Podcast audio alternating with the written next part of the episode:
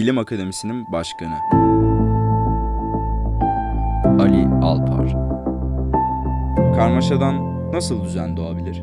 Şimdi termodinamikte işte bir ikinci kanun vardır. Nedir ikinci kanun? Herhangi bir sistem alabileceği en olası duruma, gerçekleştirmenin en çok yolu olan duruma doğru evrilir. Bir kere de oraya gidince oradan da geri gelmez. Neden? Çünkü en olası durum büyük sayıda parçası olan bir sistem için büyük sayıda parça demek Avogadro sayısı gibi. Yani makro sistemde o kadar tane molekül var.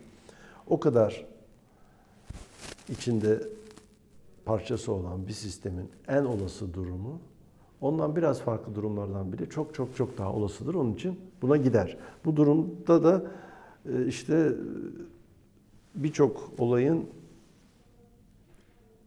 olması aynı ölçüde mümkündür. Buna bir şekilde isterseniz karmaşa diyelim. Mesela bir kutuda bir gaz var. Bunun en olası denge durumunda moleküller her tarafa eşit yoğunlukta dağılmıştır.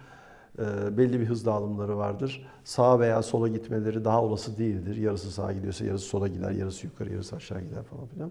Ama her molekül ne yapıyor diye baktığınız zaman karma karışık bir sürü kombinasyon var bunu yapmak için.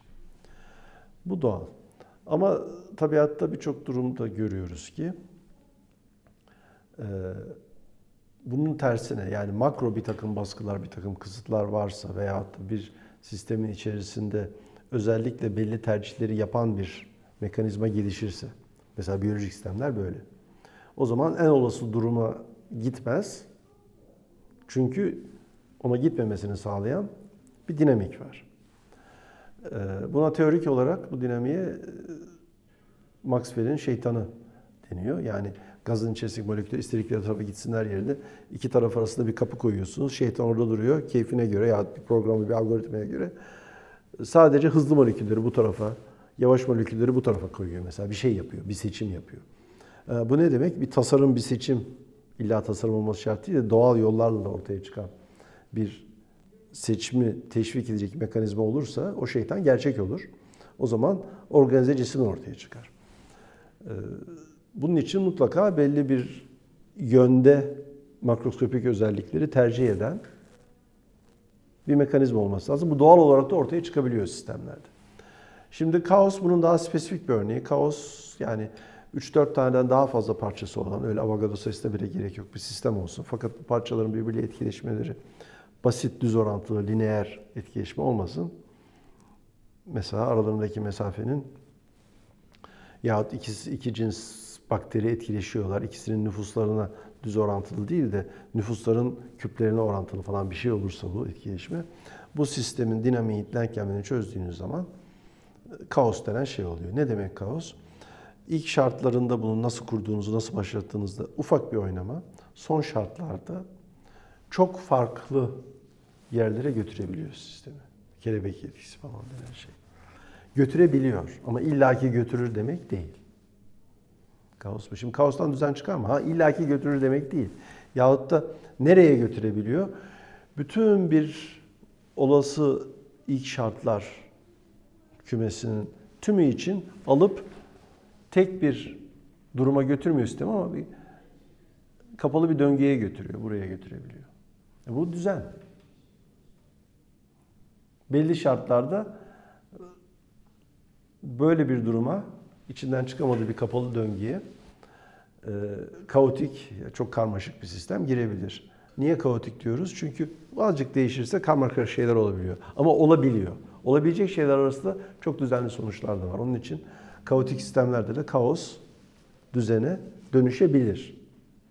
Mesele ne zaman, nasıl, hangi şartlarda dönüşebilir onu anlamak zor. Onu çok iyi çalışmak lazım çünkü sistem çok hassas.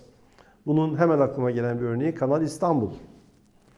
Herhangi bir sosyolojik çevre, biyoloji, deniz e, akıntıları falan bunların herhangi bir tanesine spesifik bakmadan şunu biliyoruz bilimde. Bunların hepsi çok karmaşık etkileşme sistemler. Dolayısıyla bir müdahale, şartları değiştirme, sonucu tahmin etmesi zor, beklenmedik yerlere götürebilir. Ne kadar çok karmaşık etken varsa öyle beklenmedik şeylerin olma ihtimali de o kadar fazla. Buradan çıkan sonuç ne? Bunun çok çok iyi incelenip simüle edilmesi lazım. Neler yapabileceğini bilmek için. Çünkü kaotik bir sistem evet düzene de götürebilir, düzensizliğe de götürebilir.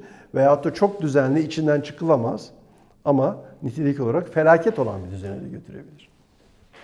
Yani hemen aklıma gelen bir şey Kanal İstanbul gibi tabiata çok büyük müdahaleler insanlar yapmışlardır.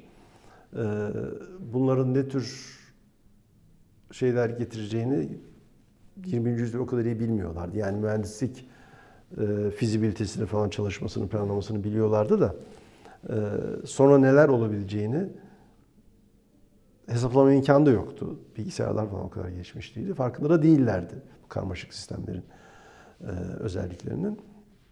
Çok çarpıcı bir örnek Sovyetler zamanındaki Aral Gölü hikayesidir. Aral Gölü şimdi haritadan yok oldu, kurudu, çöl. Türkmenistan onun bir tarafı. Türkmenistan'daki pamuk tarımı yapılan ovalarda verimi artırmak için e, muazzam bir sulama projesi yapılıyor.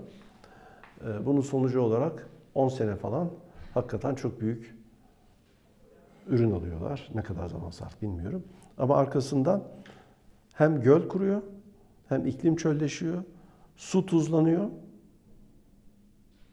ve tarım verimi de tekrar düşüyor çünkü sular kötü.